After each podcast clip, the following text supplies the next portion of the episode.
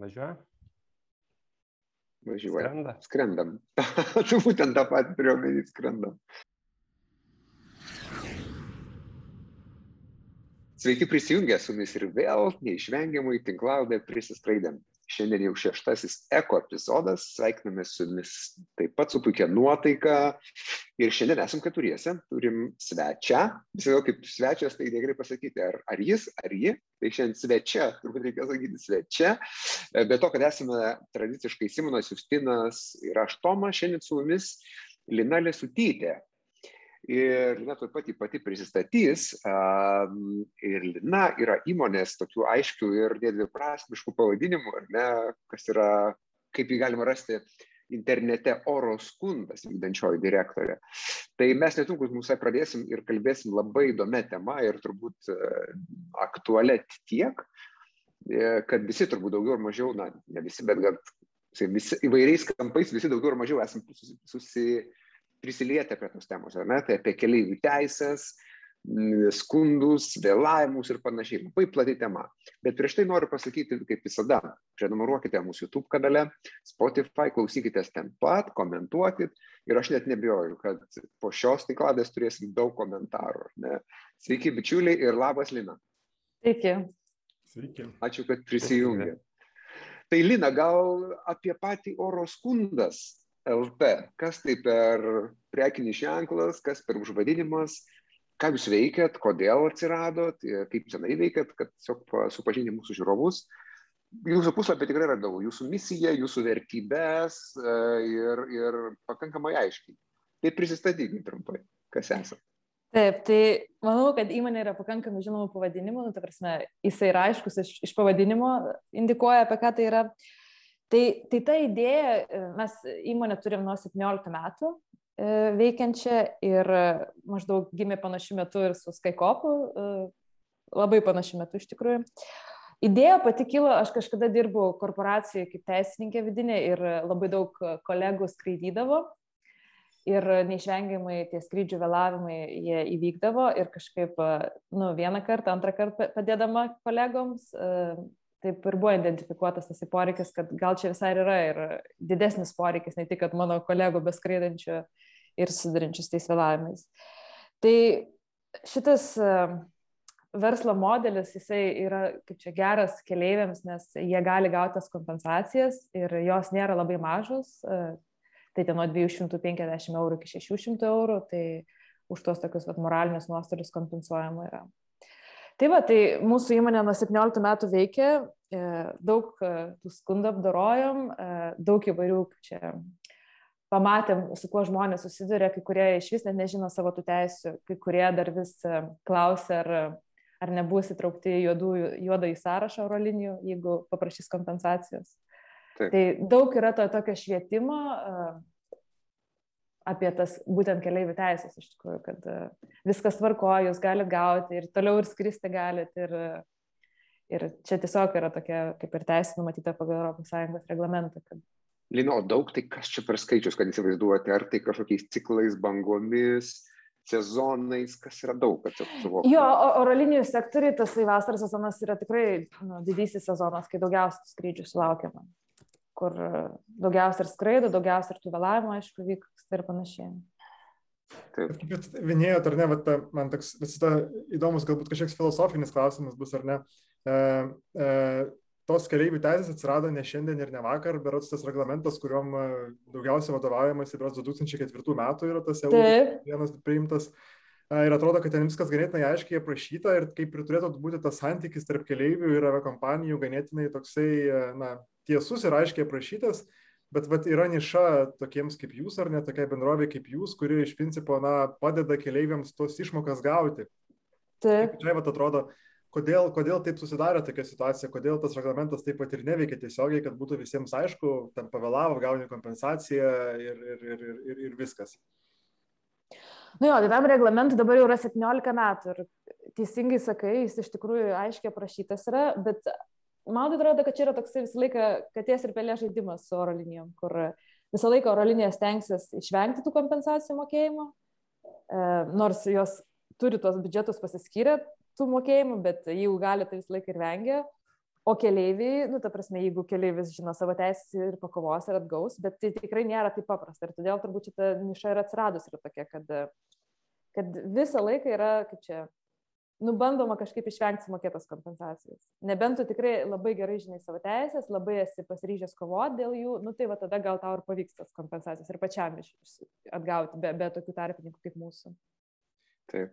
Tai gal aš, bičiuliai, gal tada grįžkime nuo, kaip sakant, nuo pagrindų, gal apie E61 kažkaip, ar ne? Vis tiek tai pirmiausia, turbūt, kas, kas jau eina gilin ir susiduria, kas tai atsirado, kodėl, kada ir, ir kaip gyvenom iki pandemijos galbūt, kas keitėsi su pandemija. Lina, tai vis tiek, kadangi esate visi hands-on visiškai ant to, mūsų klausytojams papasakokit šiek tiek įveskit, kas mažiau galbūt susidūrė. Uh Tai taip, tas reglamentas, jisai numato teisės už 3 valandų vėlavimą ir atšaukimą skrydžių. Ir laikoma, kad vėlavimas daro didesnę dalį nei atšaukimai, šiaip jeigu lyginant. Ir, e, ir va, ir tada keliaiviams yra priklauso kompensacijos. Kompensacija yra skaičiuojamas pagal atstumą skrydžio Tai jeigu yra tas toksai trumpas skrydis iki 1500 km yra 250 eurų kompensacija ir 400 yra dar kompensacija, jeigu virš 1500 km ir maksimaliai yra ta 600 eurų vienam žmogui kompensacija. O čia iš tikrųjų šita kompensacija atsirado ne per e, e, tą Europos komisijos 261 reglamentą, bet po Sturgeon keisto, ne? nes uh, iki tol kaip ir... Ne, ne, ne. Reglamentas. Kaip, kaip visą tai atsirado, nes čia truputį, truputį reglamentas, truputį po to teismų praktika suformulavo, Teisingai. kaip iš tikrųjų viskas veikia, ne? Teisingai. Tai reiškia, reglamentas numatė, kad už atšaukimą yra mokamos kompensacijos, dydžiai yra numatyti reglamente, bet ta Sturgeon case, jinai išplėtė, kad yra ir taikoma ir 3 valandų vėlavimas, tas pats reglamentas. Nes iki to laiko uh, kompensacijos buvo tik už atšaukimus. Ir tada prasidėjo taip, kad bet koks iš esmės vėlavimas daugiau negu 3 valandos uh, uh, skrydžiams iš ES į bet kur iš esmės, ne, galioja. Taip, iš ES į bet kur skrendant.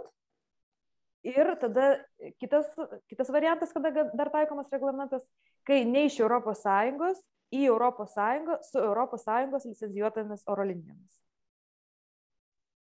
Tai pavyzdžiui, skrydis dab... iš, iš Amerikos į, ten, tarkim, Vilnių, jeigu tai yra ten kokia Lufthansa, kompensacija taikoma, jeigu ten koks yra Delta Airlines, netaikoma kompensacija. Nu, o dabar e, aš įsivaizduoju, kad e, nuo pernai metų kovo tas reglamentas e, turbūt truputį su, sugriuvo, ne? niekas jo kaip ir nesilaikė. Kaip dabar viskas pandemijos laikais atrodė? Nu, turbūt avialinijos labai slėpėsi po pandemijos pretekstų, pradžiai ten e, dienai prieki atšaukinėjo skrydžius. Ir man toks įspūdis buvo, aišku, dabar mažai kažkaip girdėjau ir žmonės turbūt šiek tiek šiaip mažiau pikti yra dėl tų visų vėlavimų, o gal ir tų vėlavimų mažiau buvo.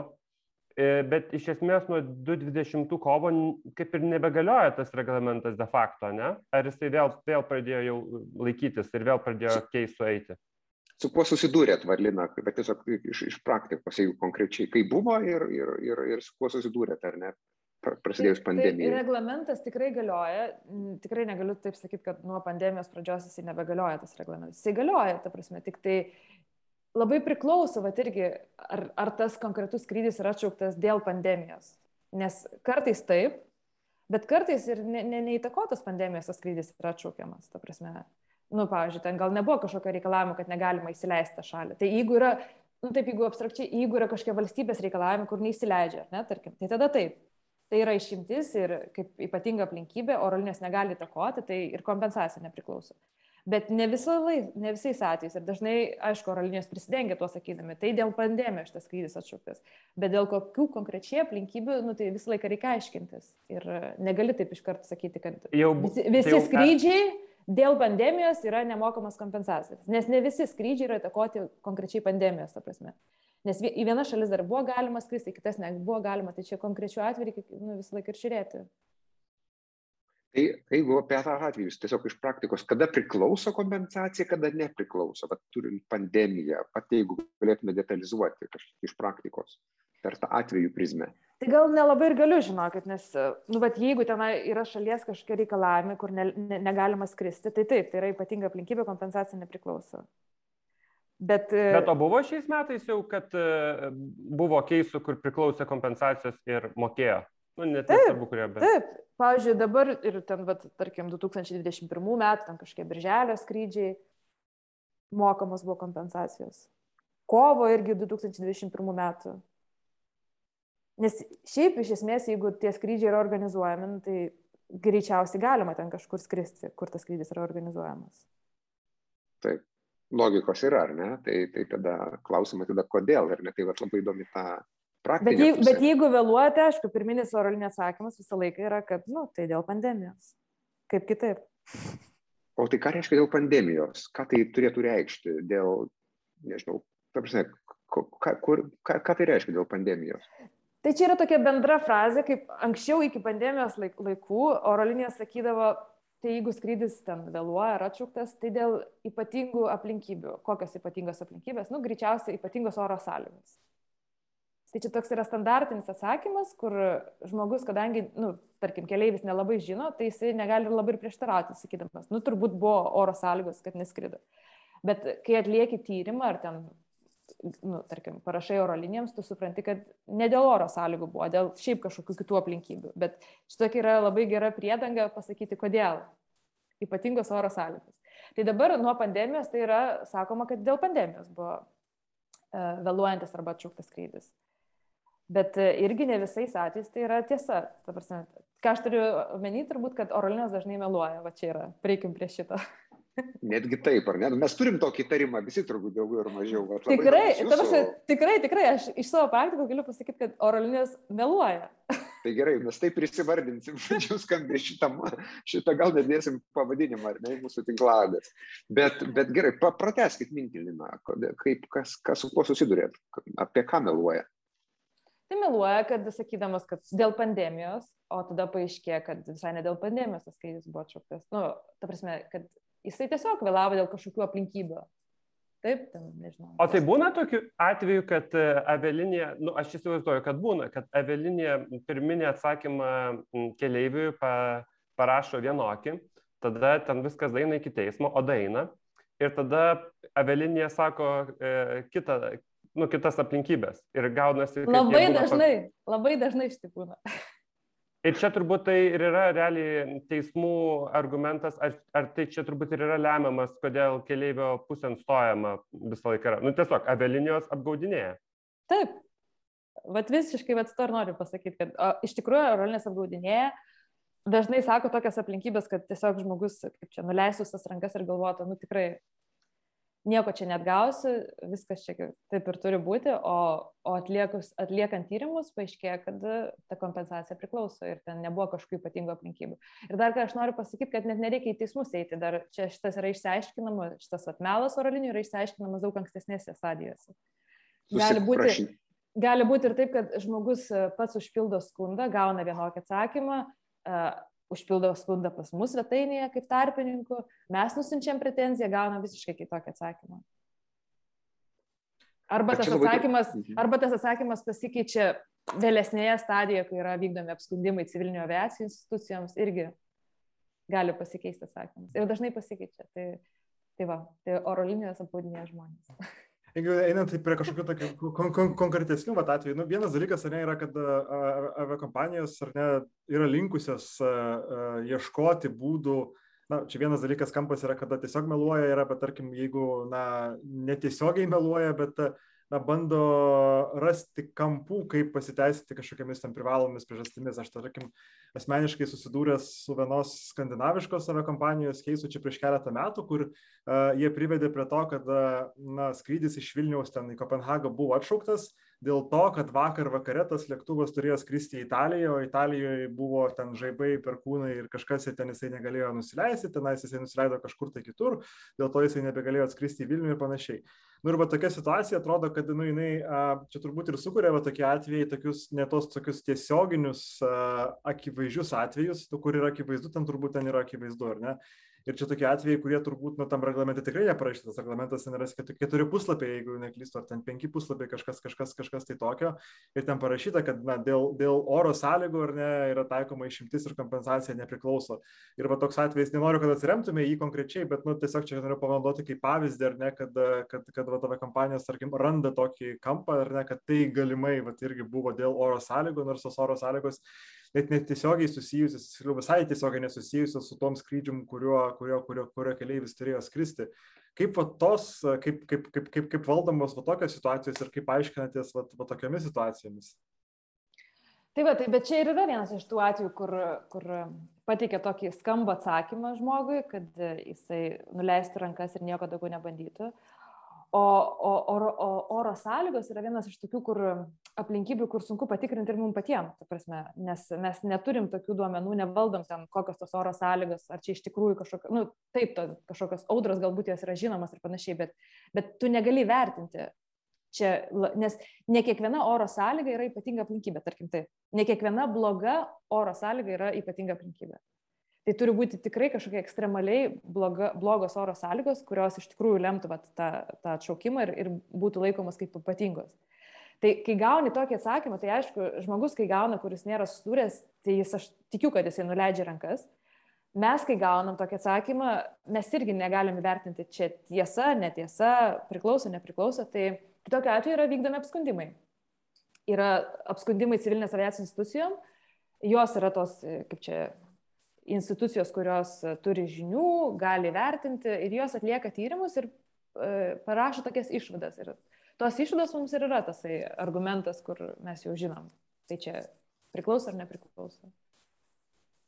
Ir turbūt su oro sąlygomis susijęs atvejais mes, kaip aviacija stebėdami, kartais pastebim, kad kartais save kompanijos preventyviai atšaukia skrydžius tam, kad išvengtų kažkokių didesnių problemų. Čia dabar turbūt su pandemija tas dalykas galbūt kažkiek ir išnykęs, nes savo kompanijos turi pakankamai pajėgumų ir lėktuvų ten ir įgulų ir panašiai, bet matydavom ten 18-19 metais, kad ten tarkim kokia nors, na, vat, jeigu aš vėlgi krenta į akis tam pavyzdys Lufthansa kažkada yra buvęs, kai tarkim matydami, kad jų pagrindiniai ten bazai, tarkim, Frankfurte sniks sniegas ar ne, ir jie preventyviai sako, mes 20 procentų skrydžių atšauksim tam, kad likę 80 procentų galėtų įvykti, nes ten tiesiog nu, lėktuvai lėčiau juda per sniegą ir, ir, ir, ir, ir, ir, ir panašus dalykai. Tai čia turbūt yra dar viena tokia nu, jautri teritorija, kur irgi neturi tokio aiškaus aprašo ir paaiškinimo, ar čia aviakompanija tokiu atveju yra teisi ar ne taip elgdamasi, ar keleiviams, tų, kurie skrydžiai buvo atšaukti, vad būtent taip, čia vadinkim preventyviai, nežinau, kokį žodį jie tenais vartoja, priklauso ar ne. Tai va, tai tas, jeigu atšaukė skrydžius prieš daugiau nei 14 dienų, o šitą oro linijos gali daryti ir, ir planuotis ten, tiek dėl streikų, dėl, dėl kažkokių oro sąlygų, tada kompensacijos nėra mokamas. Ir laikoma, kad nu, vat, keliaivis turi pakankamai laiko įsigyti kažkokį naują skrydį, jam nesukels tai streso papildomo, nu, ta prasme. Nes šiaip ten, vat, mes, vat, aš kaip ir minėjau pačiai pradžioje, ten ir pokalbę, kad mes priklausom tokiai vat, asociacijai, Europos keliaivių teisų asociacijai, tai jie ten sako, kad 97 procentai keliaivių net e, jeigu galėtų ten vat, rinktis, ar, ar aš gaunu kompensaciją ir vėluoju, ar kad nu, niekas nevėluoja ir viskas tvarkoja, tai 97 procentai nenori jokių tų kompensacijų, jie tiesiog nori, kad viskas būtų čia tvarkingai ir, ir nevėluotų. Tai Tai va, tai nežinau, grįžtant prie to klausimo, turbūt kaip čia, jeigu oro linijos gali va taip planuotis, jos ir turėtų iš tikrųjų taip planuotis, atšaukti skrydžius, pranešti iš anksto žmonėm ir gražinti pinigus ir tada žmogus dar turi pakankamai laiko nusipirkti naują skrydį. Nu, bet čia jeigu turbūt oro sąlygos iki 14 dienų jums jų jau negelbėja, nes oro prognozijų tiesiog tokiems, tokiems ilgiems laikotarpiams nebūna, čia jau tiesiog. Čia labiau dėl streiko iš tikrųjų va tokie atvejai būna, kur, mhm. kur iš anksto praneša.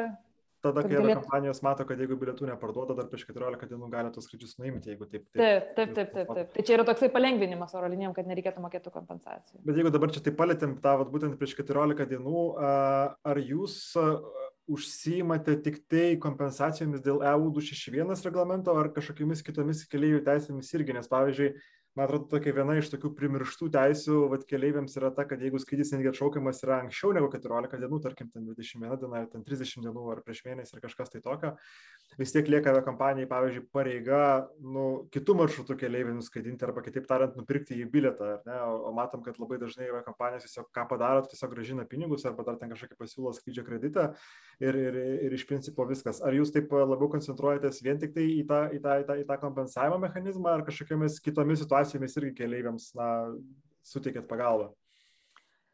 Mes koncentruojamės į kompensacijų atgavimą, bet e, dažnai tai yra neiš, nu, čia susiję tie klausimai, abu.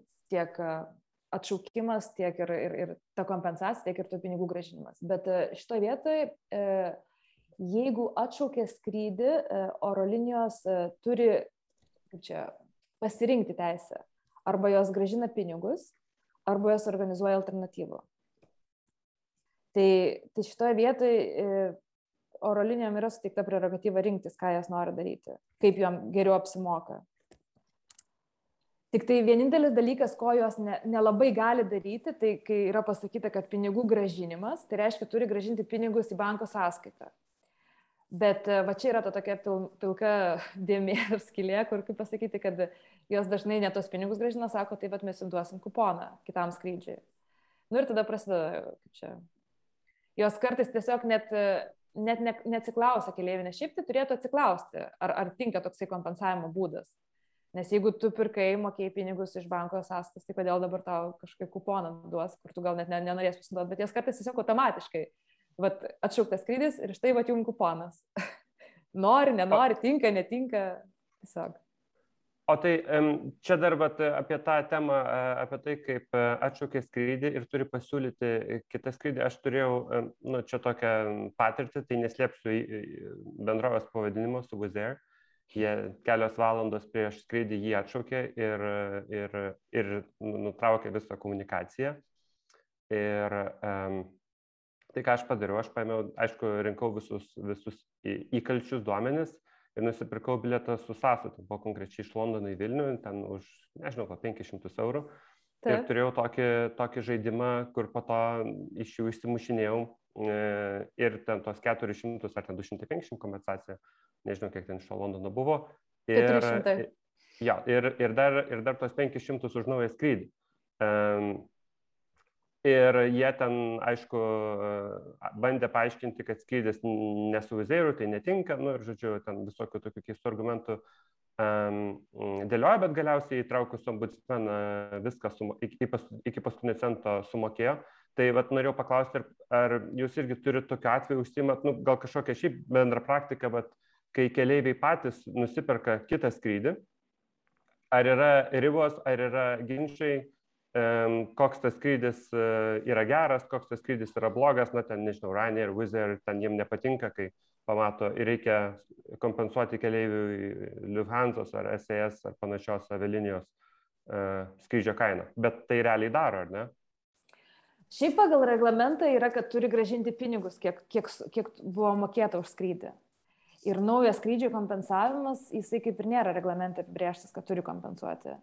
Tai čia tokie labiau, aš sakyčiau, gal išimtiniai atvejai, kur orolinės tiesiog, nu, suprasdamas, kad tas keleivis net, nebuvo, kaip čia, nesorganizavo naujo skrydžio, taip. Tai, o skristi reikėjo, tai tada keleivis pats perka, nu, ir orolinės kartais kompensuoja, bet tikrai ne visada. O koks yra, nu, tai gerai, kartais kompensuoja, kartais ne čia toks labai... Um... Toks labiau geranoriškai palikta oro linijom, ta prasme. Bet ne šiaip pagal reglamentą oro linijos tiesiog turi gražinti pinigus arba turi suorganizuoti naują skrydį. Bet jeigu oro linija. Ne, bet, neapsimoka... bet, čia yra, bet čia yra keleivio pasirinkimo teisė, ar susigražinti. Čia yra oro, pinigus. oro, oro linijų pasirinkimo teisė. Nes, čia de facto nes... taip yra, o, o pagal reglamentą. Um, tai de jūrė irgi lygiai tai. Ne, ne, ne, bet tikrai pagal reglamentą taip yra, nes jūs įsivaizduokit, pavyzdžiui, nu, va, tarkim, neturit kažkokio kito skrydžio, negali suorganizuoti. Tai tos oro linijos ką jos darys? Jos tiesiog gražina pinigus ir tiek. Nu, bet įdomus atvejis, nes aš turėjau, e, naudojusi šitą teisę, kuri reglamente, kur keleivis pasirenka ar į kitą skrydį, ar, ar gražinti pinigus ir pasinaudojau šitą teisę ir, ir gražino pinigus. E, sakau, labai, labai būdami pikti ir, ir vaidino nepatenkintus. Tai matytos, gal čia daug žmonių ir nežino šitos teisės, kad... Uh, tai jums gražino pinigus už tą skrydį, kurį atšūkė. E, Plus kompensavimo. Ne, negražino, bet, bet, bet būtent aš, aš specifiškai jų, aš gal nenoriu į konkretų šitą atvejį, bet man atrodo, jisai tiesiog iliustruoja, kad uh, keleivio teisę pasirinkti likus 14 dienų a, iki skrydžio, ar jis nori susigražinti pinigus, ar jis nenori susigražinti pinigų, o nori skristi. Tai mano atveju ten reikėjo skristi namo ir man na, e, pinigų nereikia iš, iš Vizeiro. Ir aš jam aiškinu, kad pinigų nereikia. Aš sakau, ne, ne, ne, mes tau gražinsim. Aš sakau, ne, ne, ne, nereikia. Na ir galiausiai viskas per ombudsmeną prisisuko ir, ir aš pasinaudojau šitą teisę. Tai va čia turbūt iliustruoja, kad daug žmonių nežino, kad nu, jeigu nuskrenda į ten kokią, nežinau, Graikijos salą ir Wizzair ten palieka, atšaukė skrydį, Ryanair ar kuri kita bendrovė atšaukė skrydžius ir palieka juos ant ledo. Tai nėra taip, kad gražina tiesiog pinigus ir ten gali valtelę nuomotis ir kažkaip grįžti. O čia jau yra avialinijos reikalas e, tą keleivį iš taško į kitą tašką, jeigu tai yra mažiau negu 14 dienų, e, praskraidinti. Tai va čia tokia teisė, kur man atrodo gal ir mažai žmonių žino ir naudojasi. Bet tas, tas reglamentas straipsnis skamba taip, kad e, turi arba gražinti pinigus, arba suorganizuoti naują skrydį. Bet e, aš praktikoje esu mačius daug atvejų, kur sako, nu mes negalim suorganizuoti naują skrydį, jūs patys pirkit, tai ieškokit galbūt taip. Tai bet čia šitoje vietoje yra taip palikta, kad jeigu orolinės negali suorganizuoti, jis tada sako, jūs patys kažką ieškokit, jūs patys kažkokio savo skrydžio grįžkit. Ir, nu, tokį kaip ir duoda žalę šviesą, kad jie kompensuos. Bet kartais jie sako, kad nu, mes negalim suorganizuoti naujo skrydžio ir, ir viskas. Ir daugiau nieko nekomunikuoja ir vat, sako, va, pervedėm pinigus jums. O Lina, tai žiūrėkit, tai dabar, kad palėtėm vieną kitą aviakompaniją, tai iš jūsų praktikos, e, kas yra vat, gera aviakompanija per tą prizmę, kad ar ne, netampo, nesi, nesi kaip čia, norėčiau, neatsiklešina, neatsimušinėja, ne, nemažina, tiesiog sutinka, va, su kuo lengva, su kuo sunku dirbti. Jeigu tai generalizuotai, turit tokį vaizdą kažkokį. Nu, kas yra bloga aviakompanija, tai aš tikrai galiu vardinti. Bet... Tai čia mes galim padiskutuoti, tiesiog jūs įvardinkit, po to mes pasidalinsim būtinai. Bet, bet kas yra gera kompanija, tai čia irgi yra toks klausimas. Jis gali būti gera, bet turbūt jeigu jinai bus gera, jinai neišgyvens kaip oro linija, oro kompanija. Tai va čia toks. Tai, bet, tai iš praktikos, kas yra gera, kas yra bloga, su kuo lengva dirbti, su kuo ne. Su kuo lengva keliauti, keliautam, su kuo ne. Uh, gerai, tai bloga oro linija, tai aišku, yra vienareikšmiškai Rainieras. Taip. Čia iš mūsų praktikos, nes uh, Rainieras uh, uh, nemoka geronoriškai kompensacijų, tarkim taip.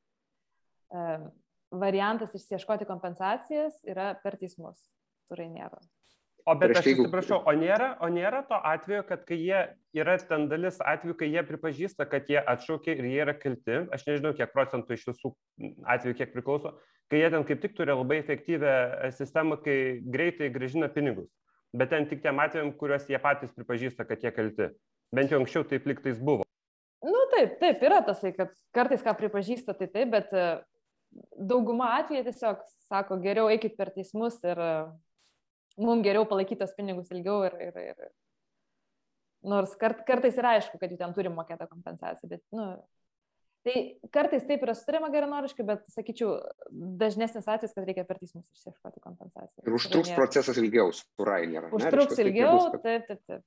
Taip. Nes matot, kai, kai yra pavienis žmogus, kartais iš tikrųjų su Rainieru yra lengviau pavieniam žmogui nei, nei, nei tokiai įmonė kaip mūsų, nes uh, tai yra mažesnė suma, e, mes sugeneruojam didesnės pinigų sumas ir teikiam tokius kaip grupinius ieškinius. Ir kartais jiem va, tiesiog atrodo, kad, nu, tai reikit per tą teismą, nemokėsim vis tiek. Okay. Tai su Rainier mes, turim, mes turim daugiausia bylų ir iš mūsų, iš mūsų perspektyvos tai yra blogiausias oro linijos. Ir e, ilgai tęsiasi, ar ne, dar koks tas procesas yra, kiek tai gali tęstis? Turit kažkokiu tai skaičiu, kas tai, ko tikėtis gali žmonių keliautojai? Tai apie metus turbūt galėtų trukti kažkur. Tarkim. Tai. Mhm. Turbūt minimum būtų metai, jeigu per, teis, per teismus yra išieškomos kompensacijos. Aš dabar okay. kalbam dar nemažai apie, apie, apie būtent skrydžių vėlavimus. Man atrodo, toksai uh, vienas iš galbūt uh, tikrai ne visiems klausytėms bus žinomas niuansas, kad kaip yra apskaičiuojamas tikslus skrydžio atvykimo laikas, nes kaip žinia, tie skrydžio atšaukimai yra prilyginami nevėlavimai, kurie yra virš 3 valandų ir, ir, ir dažnai kartais keliaiviai susiduria su tais atvejais, kai apie 3 valandas vėluoja ir, ir, ir kas tas yra atidarimo faktas, tai man atrodo, jeigu aš neklystu, vieno iš teismų išaiškinimo remiantis dabar visada yra deklaruojama, kad durų atida, lėktuvo durų atidarimo faktas yra tas laikas, kada yra fiksuojama, kada tas lėktuvas atvyko. Nors, nors, nors ir traktuojama, kad keliaiviai visada jau buvo laisvas išlipti, nors tai ne visada būtinai reiškia, jeigu ten kur nors lėktuvas pastatytas oro uosto kitam gale ir dar autobusu reikia važiuoti 15 minučių, bet būtent durų atidarimo faktas yra fiksuojamas teisingai. Taip, visiškai teisingai. Ir šito, šito vietoje irgi oro linijos e, piknaudžiauja šituo, e, pateikdamos tos duomenės, kur, va, skrydis nusileido tada, tai nėra to trijų valandų vėlavimo. O tada, kai paprašai to, to dokumento, kur rodytų, kada iš tikrųjų tos duris buvo atidarytos, paaiškėja, kad vis tik ten buvo tų trijų valandų vėlavimas. Aš kadangi su poro aviakompanijų dirbęs, tai žinau, kad e, aviakompanijos, labai didelė dalis aviakompanijų to laiko, nu kol va šitas reglamentas jau taip ne, ne, neišpopuliarėjo, vadinkim taip, ar ne, na, buvo didelis sunkumas toksai, kad jisai tas laikas niekur nėra dokumentuose nebūdavo, bent jau anksčiau fiksuojamas. Nu, nes standartinėse lėktuvo skrydžio procedūrose to, to, to, to, to nebūdavo, nežinau ar dabar yra, man atrodo, kad irgi jo dabar kaip ir nėra, čia tokia kompanijų jau uh, savisaugos priemonė tą laiką fiksuoti, bet ten dažniausiai fiksuojamas, kada ratai paliečia žemę, kada lėktuvas sustoja aikštelėje, ant žemynio aptarnavimo kompanija visada ten deklaruoja ir fiksuoja, fiksuoja, fiksuoja tą laiką, bet pats durų atidarimo faktas, jisai bent jau, bent jau, bent jau anksčiau net nebūdavo niekur, niekur, niekur, niekur fiksuojamas dabar iš, išreikalauja, ypatingai vadinam tos civilinės aviacijos institucijos, išreikalauja tos duomenys, prasme, bet uh, jos ir pats, pačios irgi pateikė, nu, ta prasme, tą, tą durų atidarimo momentą. Bet jo, čia irgi yra vienas iš tokių momentų, kur keliaiviai turėtų irgi būti budrus, fiksuoti kažkaip, ar ne, ten, nežinau, kada iš tikrųjų tos duris buvo atidarytos. Gerai, Lina, kas dar jūsų sąraše geriečių ir blogiečių? Jeigu keletą iš blogiečių ir gal su kuo lengviausia dirbti? Tai geros oro linijos, aš sakyčiau, yra tokios, su kuriuom pavyksta susitarti, tas procesas, procesas kompensacijų išmokėjimo yra, nu, kaip čia, abi šalis yra suinteresuotos optimizuoti, kad tai būtų kuo greičiau, ta prasme, ypač dėl tokių atvejų, kur tikrai nekyla jokių klausimų, ar tam ta kompensacija priklauso ar ne. Ir pačios oro linijos, kaip čia, E, stengiasi supaprastinti tos procesus, nes tai irgi yra prasme, įvairių tų skundų pildymas, tai yra nu, biurokratija ir, ir šiaip reikalaujantis e, žmogiškų išteklių darbas, tai jeigu kažkaip galim mes palengvinti darbą oro linijom ir, ir pačiam oro linijom tai yra lengviau, tai iš tokių turbūt aš sakyčiau yra vizieras, vienas iš tokių, kur mūsų praktikoje tai nu, lengva yra dirbti, tarkim. Taip.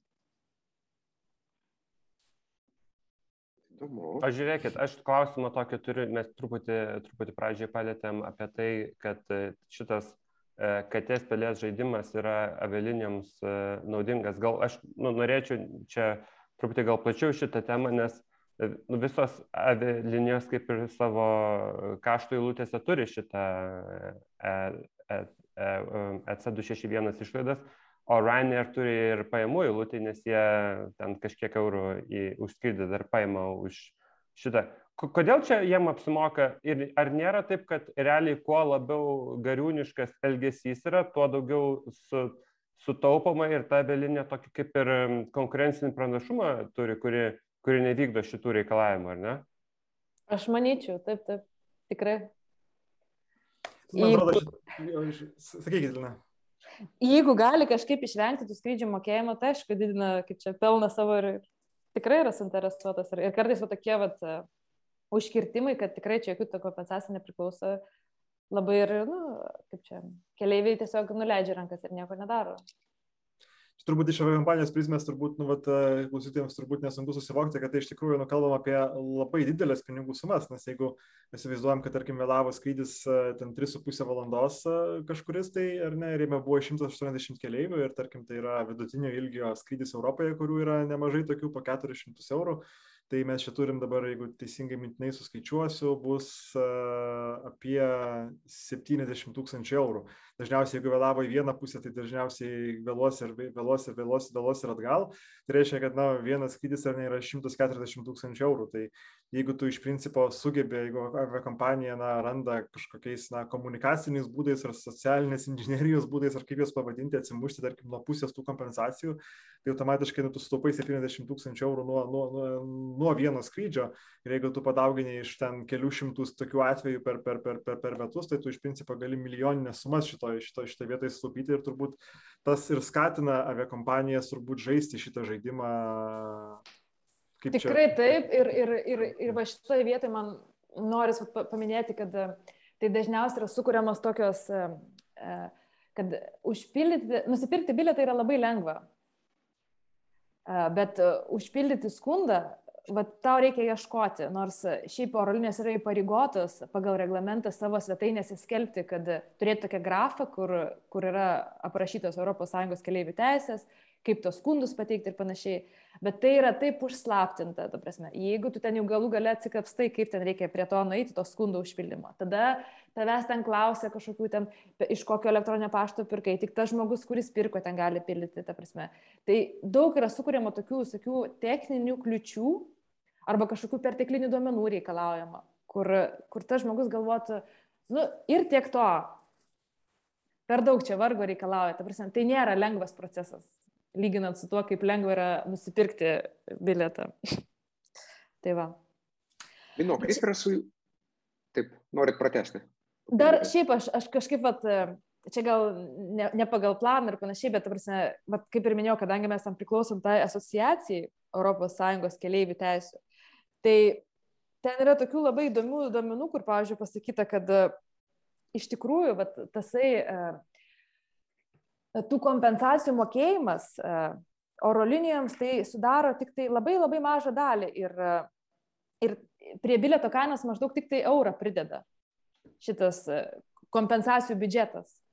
O oro linijos tai, kaip čia pateikia, kaip labai kažkokį, nu, labai, labai didelį ir labai sunkę naštą, finansinę naštą, ar ne? Tai čia aš net nežinau, gal aš galėčiau ir paskui ir persisti jums pasižiūrėti, nu, prasme, jeigu jūs norėtumėte ten kažkaip e, pasidalinti, ar ne. Ir, ir šiaip, pavyzdžiui, yra pasakyta, kad, vat, tarkim, čia buvo e, federalinės aviacijos administracijos vertinimų, e, vėluojantis skrydžiai kainavo net 8, daugiau kaip 18 milijardų dolerių keleiviams. Ir čia jie vertina visus darbo laiko kaštus, ta prasme, kur prarastas laikas yra. Ir, ir šiaip net, pavyzdžiui, yra pasakyta, kad uh, jeigu vat, buvo apskaičiuota, kad e, toksai vat, pildymas skundų ir taip toliau e, e, keleiviams tai kainavo, e, nekainavo, bet daugiau nei šešis metus praleido jie dėrėdamiesi, jeigu taip viską apskaičiuoti, va taip pat. Kiek laiko praleisti yra pildant visokius skundus ir panašiai. Čia, čia buvo toksai atliktas tyrimas, kur Junktinės karalystės, vat, su, su, sudėjus e, visus tuos laiko kaštus, kiek yra praleista pildant kompensacijas, tai šeši metai gaunasi. Žinau, kaip yra su jungiamaisiais skrydžiais, ar ne? Nežinau, ne, ne, ne, neretas dalykas, nerjungiamieji skrydžiai. Ir jeigu, na, grandis, vėlavimas, kokia praktika jūsų su jungiamaisiais skrydžiais? Tai jungiamojo skrydžio atveju yra taip, kad e, jeigu vienos dalies vėlavimas uh, įtakoja tai, kad yra praleidžiama jungtis, tada yra kompensuojama pagal visą skrydžio atstumą nuo pačios pradžios iki pačios pabaigos. Ir nu, tai yra laikomas toks pat kaip čia vėlavimas, tik tai jisai yra naudingesnis tuo, kad, kad keliaiviai gali gauti didesnę kompensaciją, nei šiaip jeigu pirktų kaip atskirus skrydžius. Ir, ir dar kas vat, svarbu, kad tada neturi, ne, nebūtinai turi vėluoti pirma dalis, tarkim, 3 valandas, jinai gali vėluoti 1 valandą, taip, bet jeigu tai takoja, kad tu nebespėjai tą sekančią skrydžio dalį ir pasiekoje atvyks į galutinį tašką daugiau nei trim valandomis vėliau, tau kompensacija yra priklauso ir jinai priklauso pagal visą skrydžio atstumą nuo kelionės pradžios iki kelionės pabaigos. Kas dažniausiai... O, lemia... kreiptis, o kas būna atsakingas, aš atsiprašau, kad nutraukiu, o kas e, atsakingas būna, jeigu dabar labai populiaru, kad Air Baltic jungia su KLM, Air France ir kitais vežėjais ir būna, kad e, ant bilieto yra du vežėjai ir ten turbūt nei vienas iki galo nėra atsakingas, o galėdinas vis tiek vėluoja daugiau negu 3 valandas. Kaip, kaip tokiu atveju yra išraizgomas šitas avilys?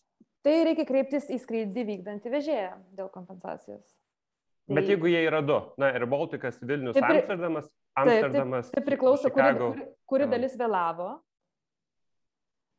Ir jeigu pirma dalis vėlavo, tai yra kreipimas į pirmąją, tą, tarkim, ir Baltiką. Jeigu strikimas buvo antroji skrydžio daly, kreipimas į tą KLM.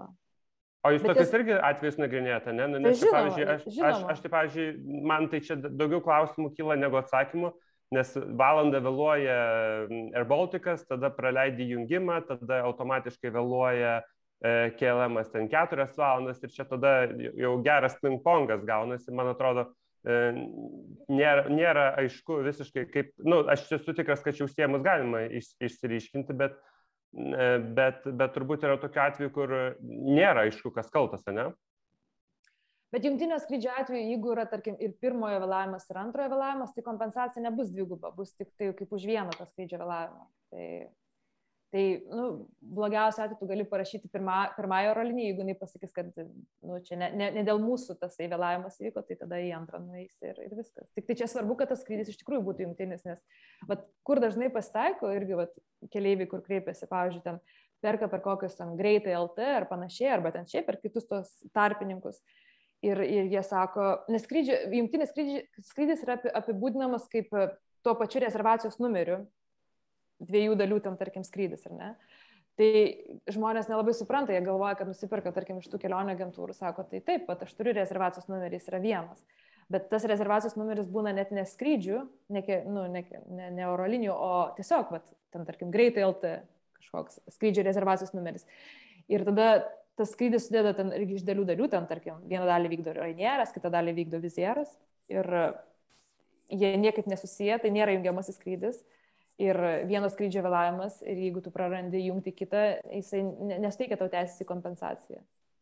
Ir šitoje vietoje keliaiviai yra, nėra apsaugoti, ta prasme, tai visą laiką mes rekomenduojam rinktis tuos jungtinius skrydžius. Jungtinius tai reiškia tų pačių oro linijų su tuo pačiu rezervacijos numeriu.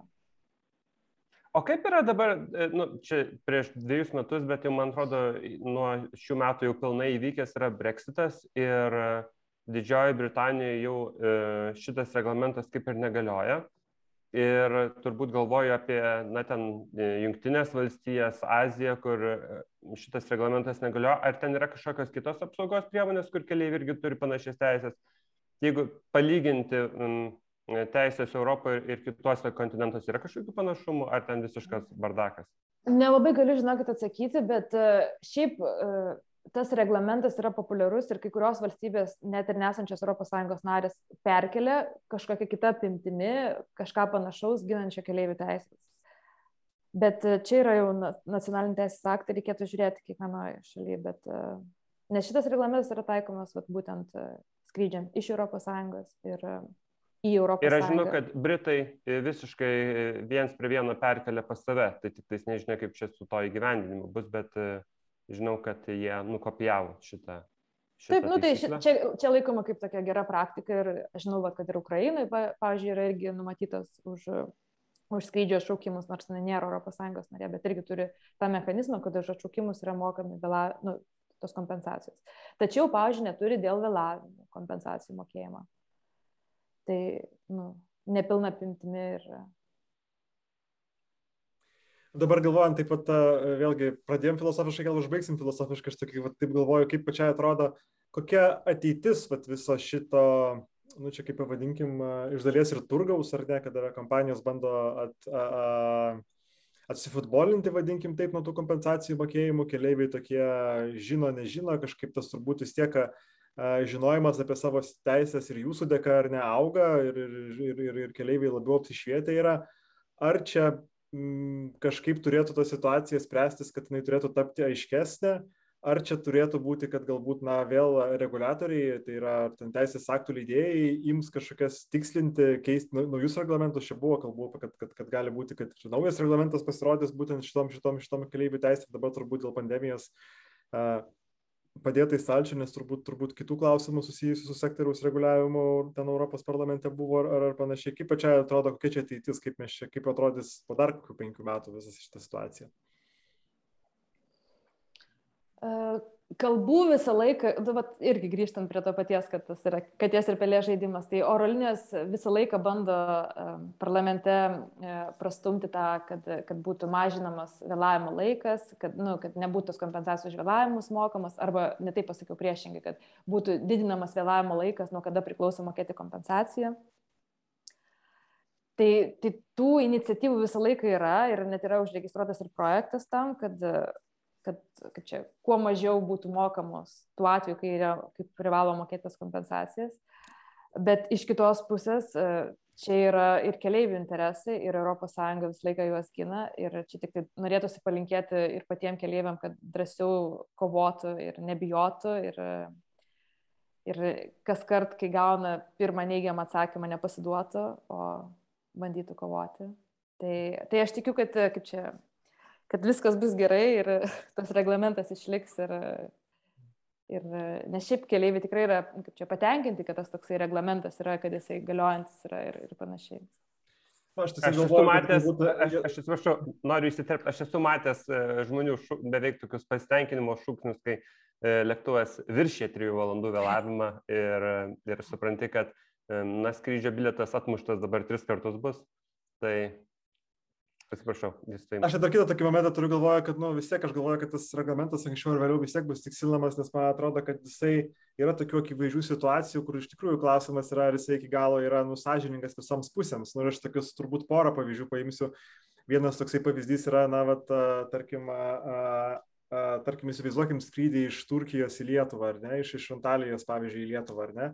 Ir realiai turkiškos aviakompanijos na, dėl didelių kompensacijų iš principo turi tam tikrą konkurencinį pranašumą, nes jeigu turkiška aviakompanija vykdo skrydį iš, iš Turkijos į Lietuvą tai ir vėluoja ten jisai, kad ir dvi paras, ar ne, jokios kompensacijos nėra mokamos, bet jeigu vykdo lietuvišką aviakompaniją, tai, tai, tai, tai tada tos kompensacijos yra mokamos. Šitoksai vienas toksai pavyzdys. Kitas pavyzdys turbūt būtų, kad na, turbūt ir ta žala padaroma keleiviui, nu, jinai yra labai skirtinga tai ar skrydis vėluoja 3 valandas ir 5 minutės, sakykime, ar ne, toksai, toksai vienas atvejis, bet kitas atvejis, kad, na, aišku, čia tokie atvejai galbūt ne, ne taip dažnai nutinka, bet būna tokių, kai ten skrydžiai būna atidami kitai dienai ir ten nu, gali vėluoti ir, ir, ir daugiau ten negu parą ar, ar, ar, ar kažkas tai tokio. Labai skiriasi, kaip kompanija pasirūpino keleiviais, ar tenais, na, paliko jos oro uostą nakvoti, ar nuvežė viešbučius ir panašiai. Tai vad abiem šitais atvejais, ar ne kompensacijos dydis jis irgi yra vienodas, kad nors iš tikrųjų turbūt tiek ta tokia, na, ir moralinė žala, tiek ir turbūt, na, faktinė, jinai, jinai, jinai, jinai turbūt nu, stipriai skiriasi, turbūt per savo patirtį. Galim pamatyti, kad, nu, jeigu ten, nežinau, skrydis vidury dienos ir jeigu ten parskridai ne 6 o 9, nu, tai yra vienas efektas, o visai kitas efektas yra, jeigu tu ten praskridai ne penktadienį per pietus, o šeštadienį vakare ir ten turėjai nakvoti oro uoste ant, ant, ant, ant, ant, ant, ant soliuko, bet kompensacija, nu, jinai iš principo bus, bus, bus, bus, bus šitoje vietoje vienoda. Tai aš kažkaip galvoju, kad vis tiek kažkada prieisim turbūt, kad, kad, kad na, bus tos situacijos turbūt tikslinamos ir, ir, ir, ir, ir vienodinami tie reglamentai va, tokiam situacijom. Gal, galbūt jo teismų praktikai kažkaip tai, bet, bet irgi bet tas apibrėžimas, kokiu tu nuostolių turėjai, yra toks labai sunkiai įvertinamas dalykas, nu, tu prasme, kaip tu ten turi čekius parodyti, kad kiek tu ten patyrei. Ir apskritai ta kompensacija yra tokia moralinė, tai čia net nesusijęs su kažkokiais savo nuostoliais patirtais. Gal ten tas ir penkių minučių kažkam yra labai svarbus ir, nežinau, kažkokius nepatogumus sukėlė. Bet čia, aišku, toks yra labiau gal, nu, šiaip diskusinis klausimas. Bet šitoje dar aš norėčiau vat, paminėti, ta prasme, kad, kaip čia, kartais tos oro linijos iš tikrųjų, vat, įvykus tam vėlavimui ir žinodamos, kad vat, jom dabar ten kyla pareigos mokėtas kompensacijas, jos kartais iš tikrųjų pradeda labai gražiai elgtis su keliaiviais perdėm tai malonus būti, ta prasme, ten siūlyti ir panašiai. Ir tikrai ne, ne vienu atveju, ta prasme, mes esame sudūrę, kur ten, kur bet ten kažkoks vėlavimas yra, ta prasme, ir tie keliaiviai sako, ne, ne, ta prasme, su manim labai gražiai elgės, tikrai aš nebūsiu kažkoks, nu, žinot, nepadarus žmogus ir dabar sakysiu, kai manim taip gražiai pasirūpino, prašys tos kompensacijos. Tai kartais tikrai yra tokių, vat, paliekama, kur žmogus sako, ne, ne, ne, ta prasme, manim gražiai rūpinas, viskas ten saugojo mano tos interesus, nu, ta prasme, stengiasi sumažinti tos nuostolius, tai aš nenoriu, nenoriu jokios kompensacijos. Ir kai kurie nu, net ne, neprašo tos kompensacijos, nors mes būnam tie, kur agituojam, kad taigi prašykit priklauso. Šitas, o, o dėl to jūsų antro, gal labiau pirmo atveju paminėtų, kur va ten, kas turi tą konkurencinį pranašumą. Tai Europos Sąjunga, ta prasme, jinai labai šitą čia agituoja, kad rinkis europietiškas oro linijas kaip, nu, toksai šūkis keliaivių, kad jeigu tu rinksies europietiškas oro linijas, tau kompensacija priklausys, tai, nu, bando taip kažkaip diskriminuoti tas neeuropietiškas oro linijas, kad, mhm. kad Tai, ja, tai čia toks turbūt. Ja, žmonės ypatingai, kurie dar organizuotą kelionės paketą perka per, per, per, Taip, tiesa, per tiesa. agentūrą, tai turbūt jau labai sunku yra suagituoti. Nes jie net negali rinktis iš tikrųjų. Jie net negali rinktis, taigi kelionė organizatorius organizuoja tą čarterinį skrydį, kur Nieko žinau. Tokių turbūt irgi kažkiek tai komiškų pavyzdžių, kur, kur atrodo irgi toksai ne iki galo sąžiningas yra būtent tas atstumas skaičiavimas, tai ten 1500 km ir tai na, toksai iliustratyviausias ir mums artimas pavyzdys yra, kad jeigu iš Vilniaus skrendi į Milano Malpenzos oro uostą, tai yra virš 1500 km, bet jeigu skrendi į Bergamo oro uostą, tada yra mažiau negu 1500 km. Tai iš principo yra nu, realiai 150 eurų kompensacijos, kompensacijos skirtumas. Nu, bet čia aišku jau e, turbūt teisė taip konstruojama, kad kartais tokias ribinės situacijas visada kažkiek atrodo komiškai ir, ir nesažiningai, bet jau tu visiškai tokių dalykų turbūt negalėtum išvengti. Justinas dar norėjo biškai apie, apie, apie, apie, apie Junktinės Amerikos valstijas pasakyti, turbūt ir mūsų praeitoje podcast'e apie Spirit mes čia kalbėjom, kaip ten vat, jie vėluoja visą kompaniją pusėje skrydžių savaitę laiko.